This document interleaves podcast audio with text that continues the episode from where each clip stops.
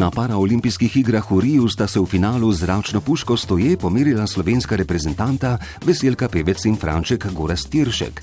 Nekaj več sreče je imela Pevčeva, ki je osvojila zlato medaljo, oba pa smo zaradi nepozabnega dvojnega dviga slovenske zastave nominirali za ime tedna. To pa je tisti teden postal raziskovalec fakultete za strojništvo Jaka Tušek. Skupaj s kolegi je namreč razvil prvi učinkoviti prototip elastokalorične toplotne črpalke na svetu. Vesno za najboljšo scenografijo in nagrado metoda Badjure za življensko delo je letos prejel scenograf Dušan Milavec.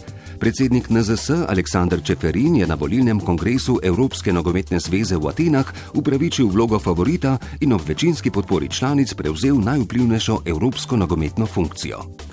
Čeprav je bil favorit za ime tedna, je to postala komaj 17-letna športna plezalka Janja Garmbred, ki je na svetovnem prvenstvu v Parizu osvojila naslov svetovne prvakinje v težavnostnem plezanju.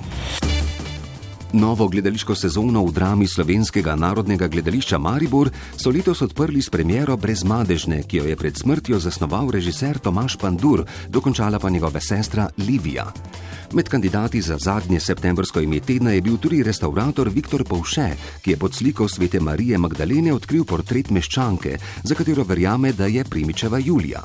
Ime tedna pa je postala Janja Zupančič, ravnateljica osnovne šole Luisa Adamiča Grosuplje, najbolj kulturne šole leta. Slovenci smo ponosni na svojo planinsko in alpinistično zgodovino. Ta preveva tudi Slovenski planinski muzej, katerega graditev je vodil Miro Eržen. Skupaj s sodelavci v Švici je prejel nagrado Fundacije kralja Alberta I. Študentskega Oskarja Ameriške akademije filmskih znanosti in umetnosti pa je skupaj s sodelavci prejel tudi mladi slovenski filmski ustvarjalec Martin Horvat. A prvo septembrsko ime tedna in pozneje tudi meseca je postal Tim Geiser, ki si je še pred zadnjo dirko v krstni sezoni v kategoriji MXGP zagotovil neulovljivo prednost in postal svetovni prvak v elitnem razredu motokrosa.